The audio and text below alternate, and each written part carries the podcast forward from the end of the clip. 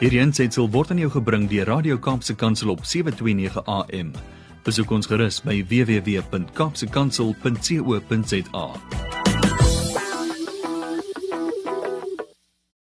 Welkom terug. Dit is 11 uur. Ek hoop jy het lekker gerus. Keeltjie is nat en so en dat jy reg is vir 'n heerlike volgende sessie. Nou, ons het in sessie nommer 1 opgestaan want uh, ons het onsself gaan haal en ons voel nou nie meer stikkend en te ver heen om gebruik te word nie. Miskien sê jy, "Right, ek kan opstaan. Alles wat in my is is wat daar moet wees vir die Here om my te gebruik." Maar sessie nommer 2 gaan oor styg uit. En dit vra die vraag, so wat het ek in my hande? Miskien vergelyk jy jouself met ander mense en jy dink, "Nee, ek het hier regtig iets om by te dra vir hierdie koninkryk nie. Wel jy is by 'n Ester konferensie. Wat beteken die Here het al die moeite gedoen om jou hier te kry om in te spring. So natuurlik het hy alles in jou gesit, maar ek gaan dit sê nie. Elsa doen al die praatwerk. So kom ons klim in. Ons fokus en ons sit reg vir 'n heerlike stukkie lering deur Elsa Meyer. Maar voordat ons daar kom, Enry en die aanbiddingspan van Kerk sonder mure om ons in aanbidding te lei. Ek kan ehm uh, nie onthou of julle kan onthou wat die eerste wagwoord was nie. Kan julle? Staan op. Yes. En nou is ons by ons tweede wagwoord vir sessie 2 en as jy hierdie wagwoord intik, dan ontsluit hy sessie 2. en hy is styg uit. Styg uit. Geliefdes, ehm um, Ek wil graag vir julle twee drome vertel om hierdie sessie mee te begin. En ehm um, ek het nogal baie huiwerig hierdie twee drome oorweeg. Uh omdat dit so persoonlik was. Dit was spesifiek ons gesin wat hierby betrokke was. En ek kon nie verstaan hoekom ek ons gesin in hierdie konteks droom nie. Totdat die Here aan die einde van hierdie twee drome vir my gesê het, maar hierdie gaan spesifiek daaroor dat ek dit um by hierdie konferensie moet deel. So ek doen dit nou maar in gehoorsaamheid. Maar in hierdie eerste droom, nê, is ons en twee van ons kinders in ons huis en dis nag en ons lê almal met ons gesigte op die vloer. En ons lê en luister hoe kriminele die huis leegdra in die droom. En ehm um, die hele tyd wonder ons ehm um, wat moet ons doen? Hoe moet ons optree? En almal besluit bly net stil. Bly net daar ten minste los hulle ons uit dat hulle maar die goed vat. Dit is die konsensus. Totdat 'n jong man in ons kamer instap, omtrent so 26, 29 jaar oud, met 'n pistool in sy hand, maar die pistool is sommer handgemaak want die voorkant is 'n pyp. En ehm um, Tuis praat met hom en hy sê vir hom in die droom: "Jy het alles gevat wat jy wou gehad het, gaan nou." En hy sê nee, ek het eintlik gekom vir julle lewens. En in daai oomblik toe ek besef maar ek het niks om te verloor nie, hy het nou in afval gekom vir my lewe, stap ek op hom af en ek sê vir hom in die naam van Jesus sal jy nou gaan. En terwyl ek dit sê, sê ek en jy sal van almal wat jy tot nou toe iets geneem het wat nie aan jou behoort nie, sal jy teruggee. En intussen tyd sien ek Matthys het sy twee hande hier voor by mekaar gevat, maar hy kan glad nie roer nie.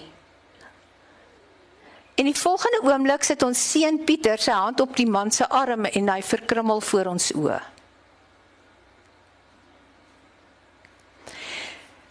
Toe word ek wakker. Drink water, staan op, gaan lê weer, droom die droom nog 'n keer. Hierdie droom vertel ek die tweede keer in my droom vir 'n paar vriendinne. Goed, nou na die droom, ek droom die hele droom weer oor. Ek herleef hom, ek staan weer op, ek drink water, ek gaan lê, ek raak weer aan die slaap. Ek droom die droom 'n derde keer. Die derde keer deel ek die droom met 'n baie groot skare vroue. Die volgende oggend dink ek, Here, hoekom droom mens 'n droom 3 keer? Dit is so weer droom. Ehm uh, maar dis seker dit beteken seker iets. Die volgende nag droom ek ons is in ons huis en ons huis is vol slange. Daar's onder andere so bloedrooi een met sulke wit strepe, daar's so 'n swarterige een wat herinner aan 'n rinkels. Daar's 'n breine, daar's allerlei slange. Ek herken hulle almal, almal behalwe die rooi Suid-Afrikaanse slange. En hulle lê die hele huis vol. Hulle is op die stoep, hulle is oral. Ons moet so oor hulle klim. As ons op die banke gaan sit, dan krul hulle hulle self so om ons. En dit is so grillerig, maar ons Ons leef nou maar so. En ehm um, ons leer onder andere ons kleinkinders, julle moenie iets aan die slange doen nie, moenie aan hulle raak nie want hulle gaan pik. En so leef ons nou, maar ons ontspan nooit. Ons is heeltyd bewus van die slange. Ek word wakker, ek drink water, ek staan op want ek wil regtig nie hierdie droom oordroom nie. Ek klim in die bed, ek raak aan die slaap, ek droom die droom oor. Weer dieselfde storie, droom die hele droom deur. Word wakker, drink water, staan op, ek gaan hom nie 'n derde keer droom nie. Ek klim in die bed, ek droom hom 'n derde keer. Ek vra vir die Here wat beteken hierdie drome? Hoekom droom ek hierdie drome oor en oor en oor? En die Here wys vir my hoe ons gewoond geraak het aan ons wêreld. Hoe daar rondom ons goed is waarmee die bose homself besig hou en hoe ons dit maar verduur. Dit is nou maar so. Moenie daaraan vat nie, dit gaan jou pik, maar dit is nou maar so. En ek vra van maar wat moet ek hiermee maak, Here? En die Here sê vir my as jy hierdie by die Ester deel, moet jy vir hulle 'n vraag vra. Jy moet vir hulle vra onder wie se banier leef hulle. Onder wiese banier leef ons?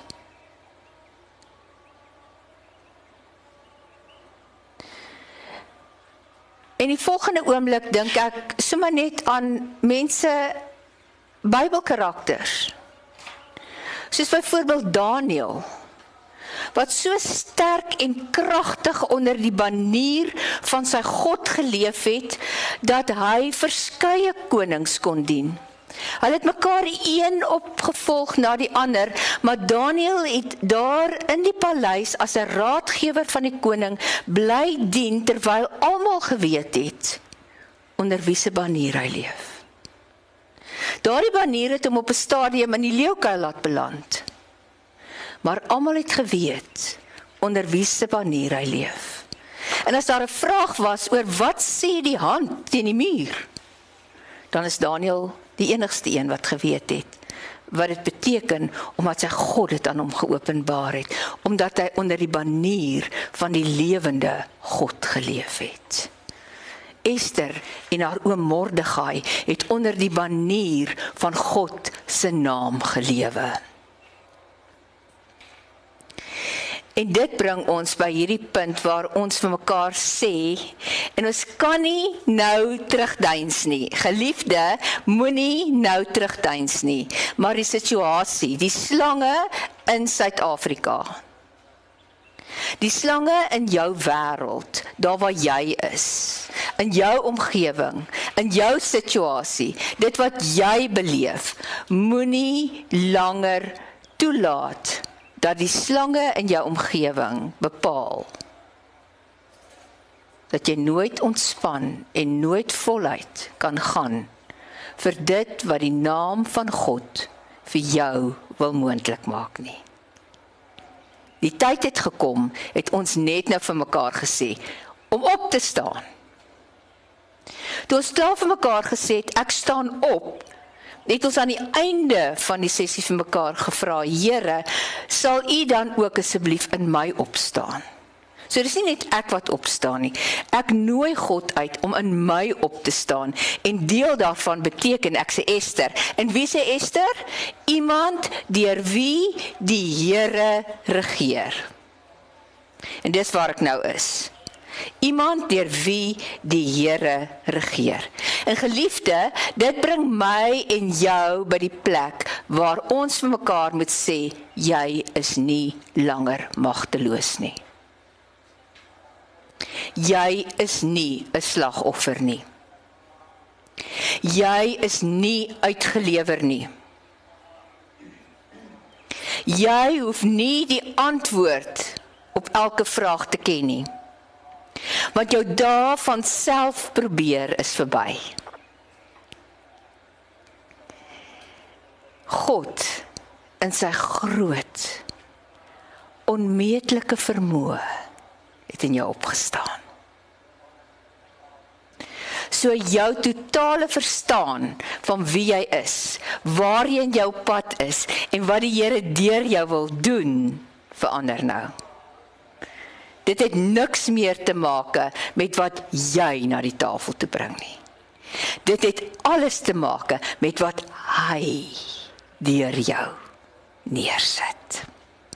En dit moet oopgaan. Ek ek sien hoe jou brein so oopgaan. Dit is amper net so asof hy so oopvou en jy ontvang hierdie waarheid van God in jou, God deur jou. En die onmeetlike groot wonder van wat dit beteken wanneer dit vir jou werklikheid word. Ons beweeg nou saam met hom aan wie die oorwinning behoort. As jy nou die vyand aan sy hande vat, kan hy nie beweeg nie. As jy hom nou in die arm vat vir krimmelei, hoekom? Want jy het gesê in die naam van Jesus. Die banier bokant jou is die naam van die lewende God dit terug jou. Dit bepaal jou lewe.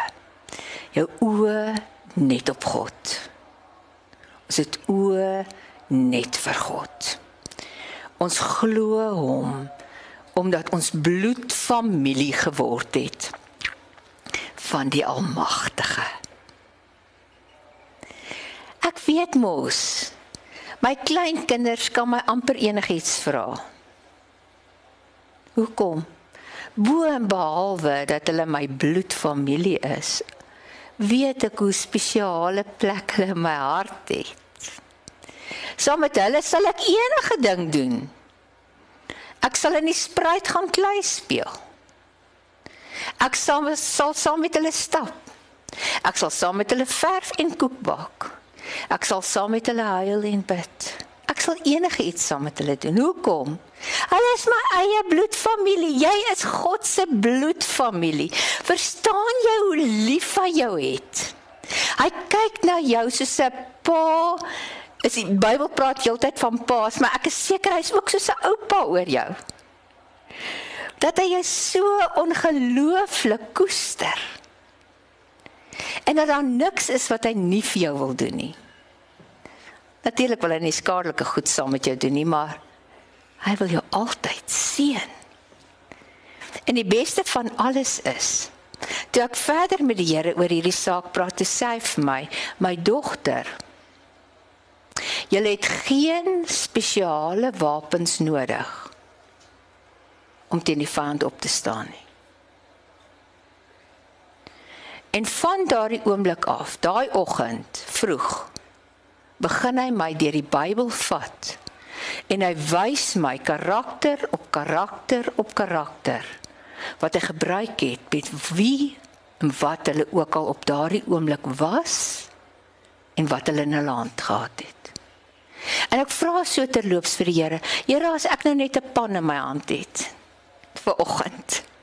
Hier waar ek ontbyt maak. As ek nou net 'n pan in my hand het. Is dit genoeg? En ek ervaar hy sê dis te veel. Jy het niks nodig nie. Maar ek gaan jou nou deur al hierdie Bybelkarakters vat want ons was besig met 'n studie van Gideon verlede jaar. Toe hierdie boodskap binne in my werklikheid geword het. Hierdie droom het ek gedroom in November of die twee drome in November 2020. En hierdie boodskap is daardie selfde dag gebore. Goed, kom ons begin by Gideon. Want ons was besig met 'n studie van hom. Gideon se storie staan in Rigters hoofstuk 6 tot 8. Dit is so kort, twee hoofstukkies. Maar hier eintlik 3, 6, 7 en 8. Dis nou alweer 'n hoofrekensom wat ek nou hier nie reg het nie. Drie hoofstukke. Gideon hulle het in gevaarlike tye geleef, julle. Die Midianiete het elke keer wanneer die Israeliete se oeste gereed was, het die Midianiete gekom en dit afgevat. As die koringoes uitgewan is, dan kom hulle en dan kom haal hulle die oes. As die druiwe oes gereed gereed is om afgepluk te word, dan kom hulle, dan kom haal hulle die druiwe. As die vye oes gereed is, die dadels, dan kom vat hulle dit. In die Bybel beskryf net vir ons hoekom Israel op daai stadium so magteloos was nie. Die slange was nou maar oral rondom hulle. Hulle het nou net nie eintlik geweet om iets aan te doen nie. Miskien was Midian net soveel sterker as hulle. Maar nie een Israeliet het dit waarvoor hy gewerk het in sy huis gevat nie. Dit het in die huise van die Midianiete beland wat nie daarvoor gewerk het nie. En ek weet daar's ook mense wat sê en en dit met goeie reg sê dat hulle werk en werk, maar dit voel vir hulle of hulle beursies gate in het. Of dit net nooit by hulle uitkom nie. Partymal is dit net 'n perspektief, iets in die gees wat die Here wil skuif. Maar die Here het hulle hulp geroep gehoor. En God het toegetree. En het 'n man gekies met die naam van Gideon. En vir hom gesê: "Jy gaan Israel nou lei in 'n oorlog teen die Midianiete." Nou Gideon het baie bevestigings nodig gehad. So ek wil net vir jou sê moenie bekommer nie, liewe Estertjie. Moenie bekommer as jy meer as een keer wil seker wees of jy die Here reg gehoor het nie. Ons aanbid 'n genadige God. Wat oor en oor bevestig. Hoekom? Omdat die uitrol van God se plan vir hom geweldig belangrik is. Hy gee nie om hoeveel keer hy vir jou moet bevestig nie, net solank jy saam met hom beweeg. So dit het begin waar die engel van die Here aan Gideon verskyn en vir hom sê Gideon jy's nou uitgekies. Jy gaan nou Israel lei in 'n oorlog teen die Midianiete. Nou Gideon was tog besig om koring uit te wan. Hy hy het nou regtig waar nie oorlog in gedagte gehad nie. En buitendiens is wat hy homself ook daar beskryf as iemand wat nie die sterkste is nie, nie die grootste is nie, nie die meeste invloed het nie en in sy familie as die kleinste beskou word, het hy regtig waar nie gedink die engel praat met hom nie. Iets het nie vir hom geklop nie iets was net nie net nie lekker hier nie. Toe sê hy vir die engel, ag as die engel nou nie omgee nie, kan hy nou net asseblief 'n bietjie daar agter bly en dalk bly. Hy wil vir my ete gaan maak. Nou ek weet dit klink vir meeste mense 'n bietjie belaglik. Maar verlede jaar, né, het ons in die woestyn gaan oorslaap onder die sterre. 'n Heerlike nag, ons kuier daar en dit is te lekker. Toe ons die volgende oggend opstaan, so rukkie daarna, hier kom 'n man aan met nie op 'n kameel nie, in 'n Toyota. Maar hy soek sy kamele. En met ons gebrekkige gebroke Arabies probeer ons uitfigure nou wat sê hy nou eintlik vir ons. Hy praat nou met ons en hy sê vir ons: "Julle gaan nêrens heen nie. Bly net hier."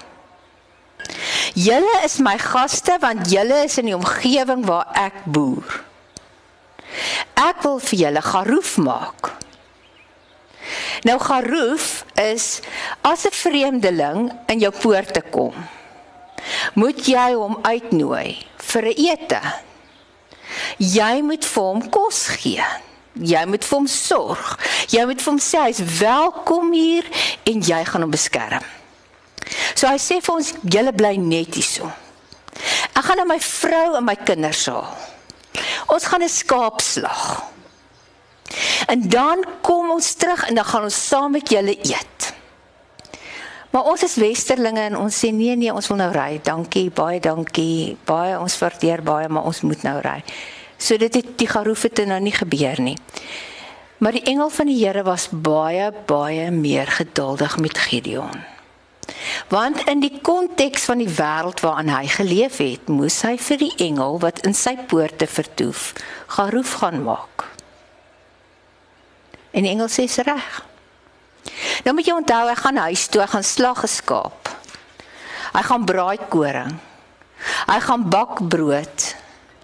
Hy doen al hierdie goed en dan bring hy dit nou terug na die engel toe. Hierdie is nie ek sien jou oor 'n uur nie.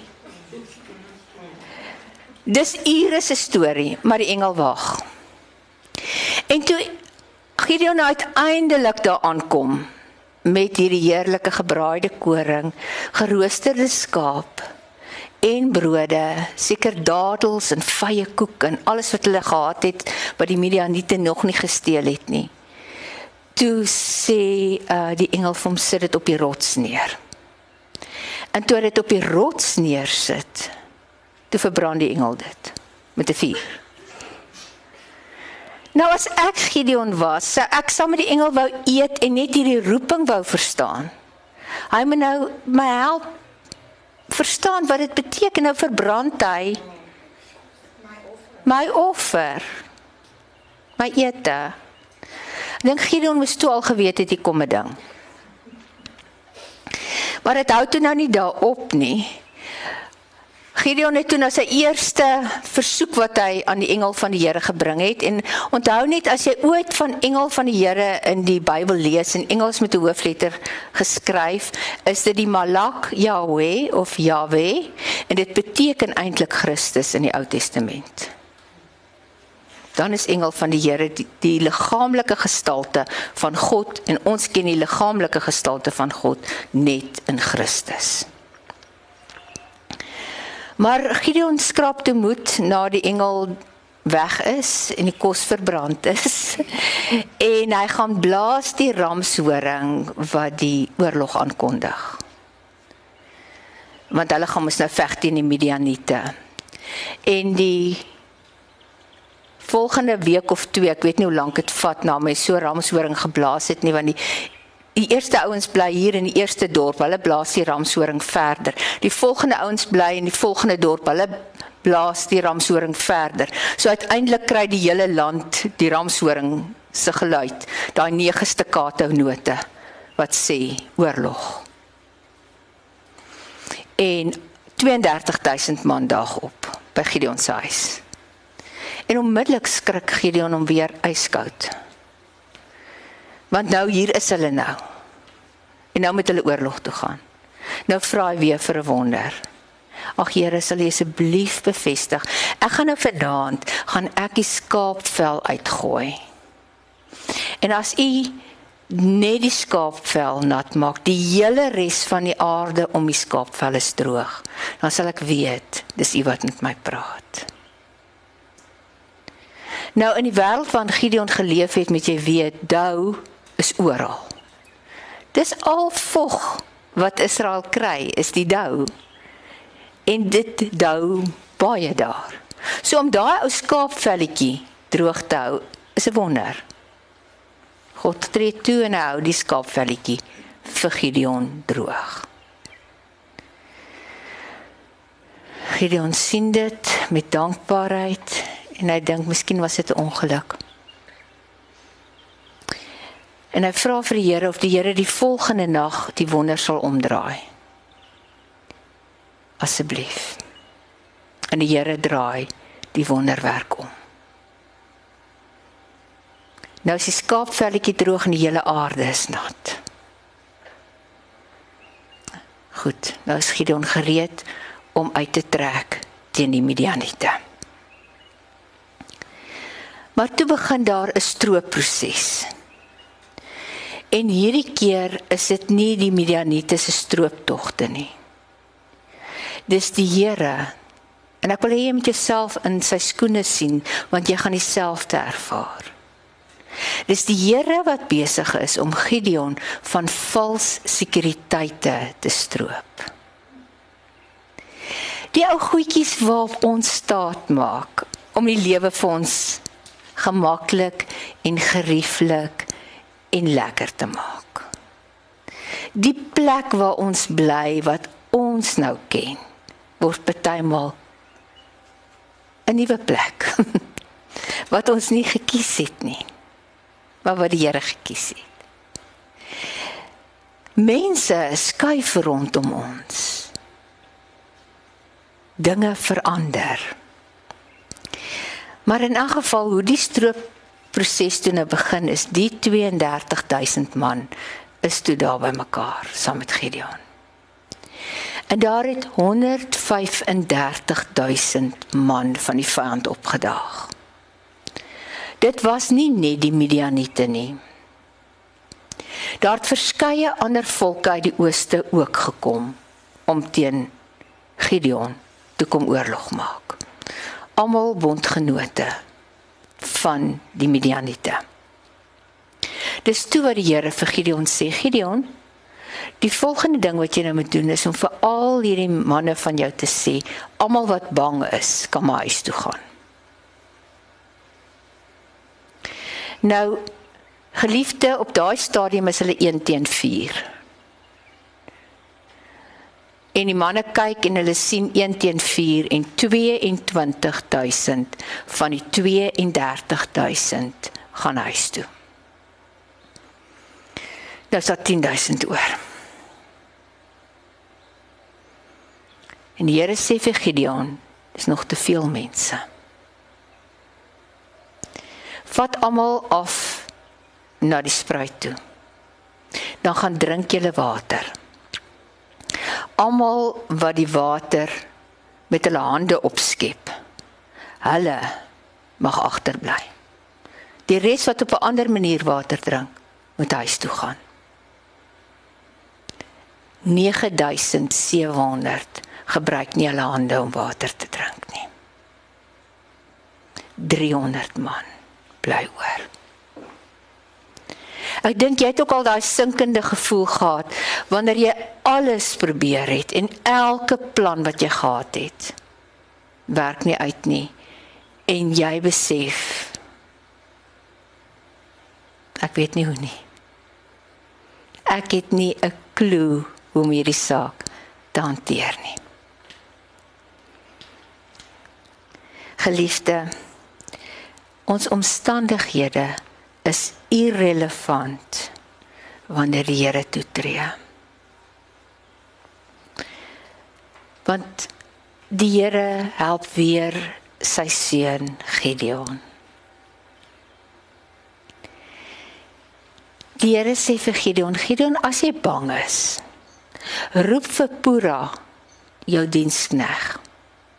Dan gaan julle twee nou vanaand daar na die Midianiete se laar toe. En as julle nou dink almal slaap, dan loop julle bietjie daar tussen die tente rond. So Gideon was ek term nou nie 'n te bang man nie. Hy was darm bereid om te waag om daar tussen die Midianiete te gaan rondloop en hy en Pura loop daar tussen die tente van die Midianiete rond. En daar hoor Gideon hoe een van die Midianiete sê in Rigters hoofstuk 7 vers 13 en 14. Ek het gedroom. Daar kom 'n ronde garsbrood na die kamp van Midian toe aangerol. Die brood het 'n tent getref. Jy sien dis omtrent soos my slange storie. 'n Brood tref 'n tent. Die brood het 'n tent getref en dit omgestamp en in mekaar laat tuimel. Sy maat het geantwoord: "Dis niks anders as die swaard van Gideon, die seun van Joas nie. God gee Midian in die kamp in sy mag oor." Daar in daardie oomblikke leer die Here vir Gideon dat sy vyande weet dat die oorwinning aan hom behoort. Geliefde, jou vyand weet dat die oorwinning aan jou behoort omdat Christus in jou is.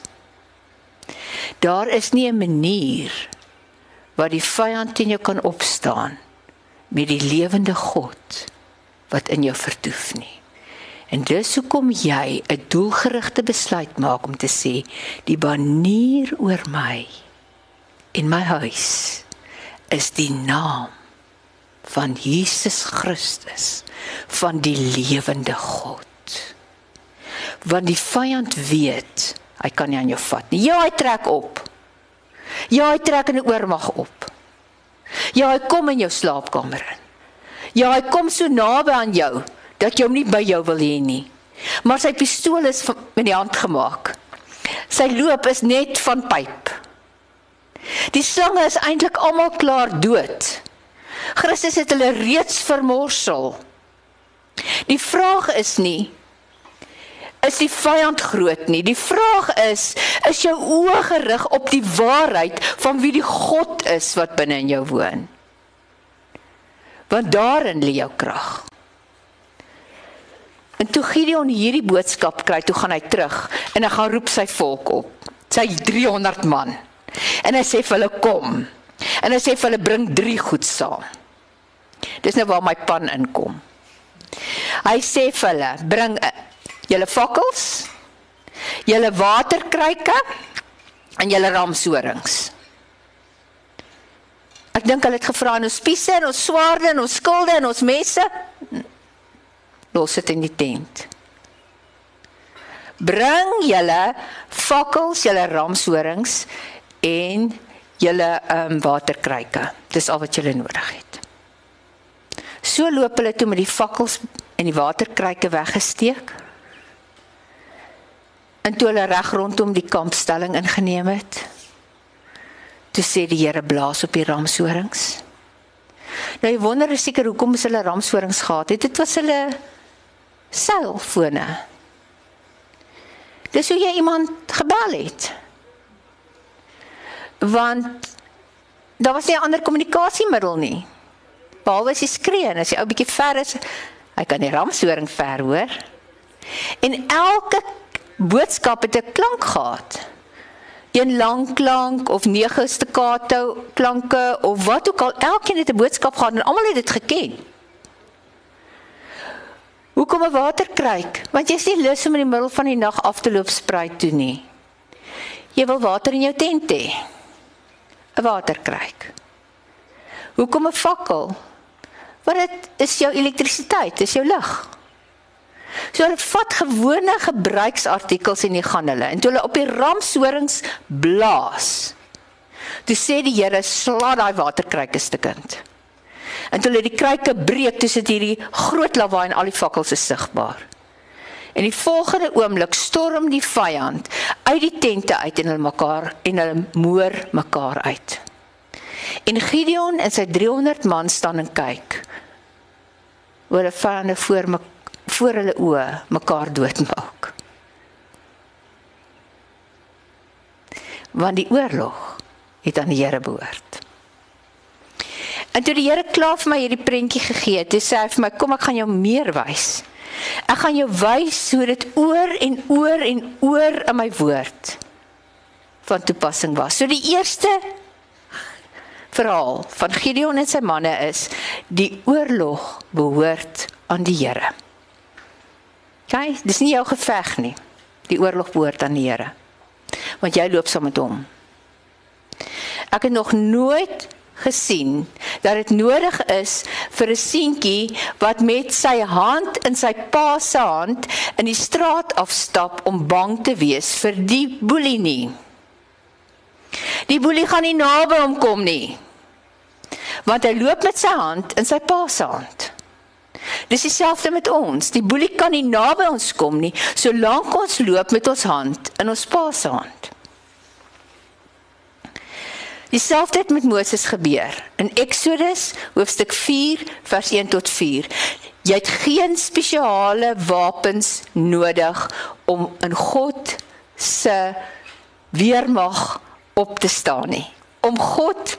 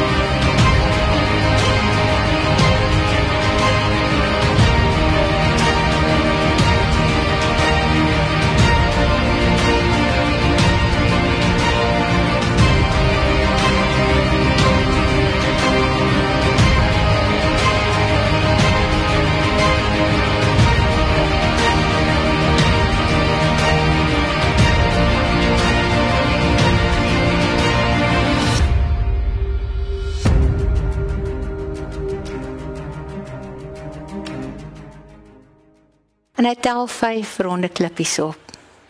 Maar die eerste klippie maak die reus dood. Tref hom in 'n gaatjie in sy helmet reg voor sy kop. Is dit omdat Dawid so amazing skit was? Nee, wat ek weet nie of hy reguit geskiet het nie. Dit het aan ek glo nie dit saak gemaak nie. Want Dawid was in die hand van die Here en sy slingervel was in God se hand. En daarom het die klippie getref waar hy moes. Weereens, sommer maar net 'n slingervel was genoeg om 'n oorlog te wen. Ek bedoel wie wie van julle kan dit dink? 'n Slingervel is genoeg om 'n oorlog te wen. Johannes 6 van die eerste vers af. 'n seentjie wat uit die huis uit stap en sê mamma, ek gaan vandag langs die see van Galilea speel.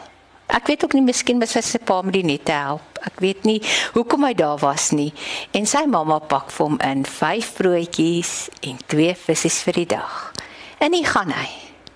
En toe hy weer sien te beland hy in 'n skare van 5000 mense wat sit en luister hoe Jesus met hulle praat. En hy sit ook daar, is te lekker. Hy luister na hierdie woorde van lewe. En, en, en niemand gaan huis toe nie. En dit is naderhand aand en almal is honger. En daar's nêrens 'n vissery of 'n bakkery wat vir 5000 mense kan kos gee nie. En Filippus kom by hom en hy sê: "Kan ons jou vyf broodjies en jou twee visse kry asseblief?" En hy gee. En Jesus dank die Vader vir 'n seentjie se padkossies. En die volgende oomblik eet almal en 12 mandjies bly oor. Het jy al ooit gewonder hoekom 12 mandjies oorgebly het? Die simboliese waarde van 12 is wanneer God en mens ontmoet. God en mens. Wanneer God hom oor jou ontferm, dan is dit die getal 12. En dis presies wat hier gebeur. God ontferm hom oor 5000 honger mense en vyf broodjies en twee visse is genoeg om 12 mandjies kos te laat oorbly. How amazing. Die weduwee van Sarfat. Ons lees haar storie in 1 Konings 17. Julle, ek het nie eers nodig gehad om my Bybel oop te maak om te soek daai dag na voorbeelde nie. Die Here het regtig hierdie boodskap vir julle voorberei, want die een persoon na die ander het net so voor my gedagtes ingekom en ek het net geweet dis die volgende een wat die Here met julle wil deel. En die weduwee van Sarfat se storie in 1 Konings 17 vertel ons van hierdie geweldige droogte wat in Israel was. 'n Droogte wat deur Elia aangekondig is. En omdat hy gehoorsaamheid aan die Here hierdie droogte aangekondig het en hy saam met God beweeg, ervaar hy ook die droogte. Want as ons profetiese woorde inspreek en dit gebeur, dan gaan ons ook daardeur gaan, maar God gaan in die proses homself as God betoon. En dis wat ons net moet leer. Ek kan onthou dat ons een keer in Kanada was. En ons het by hierdie konferensie bedien en ehm um, amazing uitstorting van die Heilige Gees beleef in hierdie konferensie.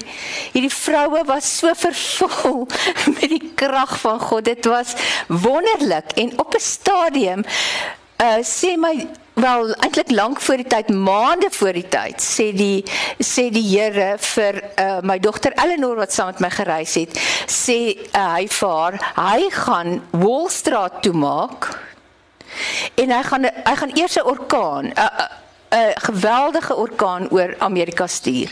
Dan gaan hy Wall Street toemaak want hy wil Amerika op aandag roep.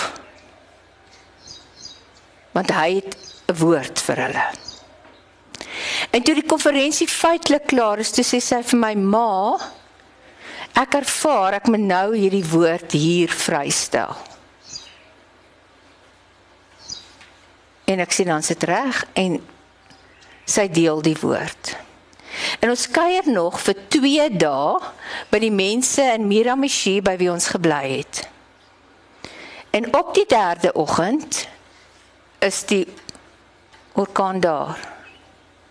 En hy kom bo van Kanada af en hy gaan oor die ehm um, hele uh, Kanada af na Amerika toe. Sy naam was Sandy. En hy en en en Wolstraat word gesluit. En niemand gaan werk toe nie. Amerika, New York kom tot stilstaan. Geen vlug kan uitgaan nie. En ons sit daar en sy sê maar maar waarom gaan hierdie woord dan nou uit en ons is ook daarin. Ons is nie eers Amerikaners nie. Maar dieselfde ding het met ons gebeur wat hier met Elia gebeur het omdat die Here homself aan jou wil betoon in die uitrol van dit wat dan aangekondig is. En dan kan ek vir julle vertel hoe groot wonder het met ons gebeur op 'n stadium toe daar oor die 600 000 mense in New York se hotelle agtergebly het omdat geen vlugte kon uitgaan nie het 'n het 'n Suid-Afrikaanse vlieënier die moed gehad om in te vlieg onder die storm in en ons te kom haal. Suid-Afrikaners wat daai oggend in daai gebou gestaan het, was die enigste mense van al die plekke in die wêreld wat huis toe gegaan het. En ek het daai dag gesien hoe die Here wonder op wonder doen. Presies wat hier gebeur. Wanneer jy in dieselfde storm waarin die res van die wêreld vasgevang is, jouself afvra waarom is ek hier? Onthou wat het ons in sessie 1 geleer? Staan op. O net vir die Here. Vra hom om binne in jou op te staan. Sessie 2. Laat die geveg aan hom oor. Beweeg net saam met hom en kyk wat hy wil doen. Geliefde, so stuur die Here vir Elia. En hy sê vir hom: "Gaan na die weduwee van Sarfat. Want daar sal jy 'n vrou kry wie se hart uitgesorteer is. Sy gaan nie staat maak op haar krediniersware nie. Sy gaan my vertrou." Elia kom by haar aan. Hy sê vir haar: "Maak vir my 'n broodjie asseblief." Sy sê ek kan nie. Ek het een handjie vol meel oor en 'n klein bietjie olie. Ek gaan vir my en my seun ons laaste broodjie maak. Hy sê vir die Here sê: "Maak vir my 'n broodjie. Dan sal jou meel nie opraak nie en jou olie ook nie, totdat dit weer gereën het in Israel." En so was dit. Presies so uitgespeel. Want omdat sy die Here vertrou het, het haar bietjie God se baie geword. Selfs dit gebeur met baie mense in die Bybel wat niks gehad het om aan te bied behalwe die banier van God se naam nie. En so geliefde, bring dit ons by ons aksie vir hierdie sessie. Want daar's net een besluit wat ons in hierdie sessie hoef te neem. En dit is om te sê, Here Jesus, ek kies vir die banier van U naam bo my in my huis. Dan word jou bietjie sy baie. Dan vra hy nie jou talente nie, hy vra net vir jou. Jy hoef niks na die tafel toe te bring nie. Wie jy is, is al wat hy nodig het. Jy word sy bruikbare instrument. Sy instrument van heling. Sy instrument van lewe. Sy instrument van liefde. Sy instrument van krag. Jy word 'n Ester, iemand deur wie die Here regeer. Amen. OK, kom ons staan op en ons kies. Aksie. En hier sê ons Here, die banier van U naam oor my lewe. Jesus, ek kies vir die banier van U naam oor my lewe. Die naam van Jesus is my banier. Sê dit saam met my. Die banier oor my lewe is die naam van Jesus. Here gebruik my. Hier is ek. Amen. Geliefde, as niks om te vrees nie. Want wanneer God toetree, doen hy wat jy nie kan doen nie. En dis al wat jy wil hê. Die Here in my, die Here deur my. Wat beteken Immanuel? God met ons. God met my, God in my, God deur my, God vir my. Dis wat Immanuel beteken en Immanuel is jou Here. Jy het niks nodig nie, net jouself. Amen. Amen. Ons gaan nou lekker breek vir um, middagete. Maar kom ons sluit eers af met 'n wonderlike lied. Was dit nou goeie nuus of was dit nou goeie nuus? Styg uit. Jy het meel in die huis en olie en 'n stok en 'n bak. Jy het alles wat jy nodig het. As die Here aan jou kant is en hy wil jou gebruik, dan sal hy. So, goeie nuus van sessie nommer 2 agter die rug en nou moet ons eers jou maag vol kry. Kom ons gaan nou middagete. Hierdie ensetsel is aan jou gebring deur Radio Kaapse Kansel op 729 AM. Besoek ons gerus op www.kaapsekansel.co.za.